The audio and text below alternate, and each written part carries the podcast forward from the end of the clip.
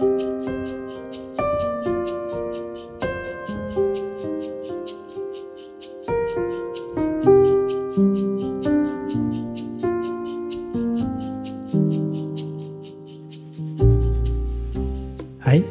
jeg heter Vidar Mæland Bakke, og jeg vil gjerne dele et håpsord med deg her på Spires pod. Ordet er fra 1. Korinterbrev 15, 19-21, der Paulus skriver Hvis vårt håp til Kristus gjelder bare for dette livet, er vi de ynkeligste av alle mennesker. Men nå er jo Kristus stått opp fra de døde som førstegrøden av dem som er sovnet inn. Fordi døden kom ved et menneske, er også de dødes oppstandelse kommet ved et menneske.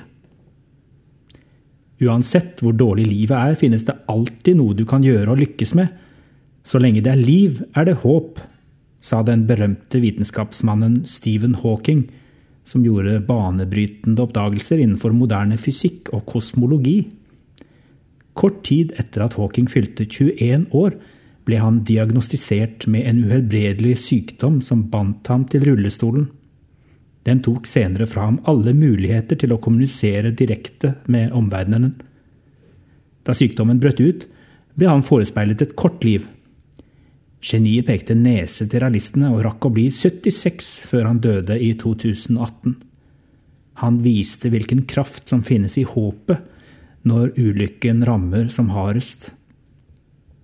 Men selv for den ukuelige Hawking gikk det en grense for håpet ved livets avslutning. Tross en unik åpenhet for universets mysterier avviste han troen på en personlig gud.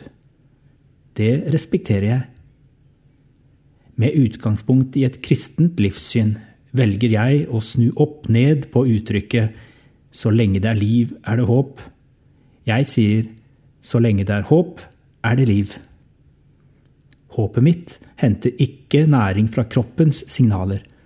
Håpet mitt er forankret i Guds løfter, i Jesus Kristus. I mitt univers er det håp også når livet ebber ut og avsluttes. Når døden inntreffer, enten brått og brutalt og altfor tidlig eller sent i livet.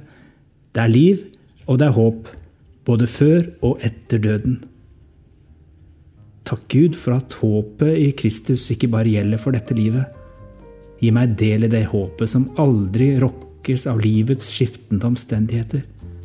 La ditt rike komme her hos meg i dag, så jeg med beina på jorda kjenner smaken av himmel.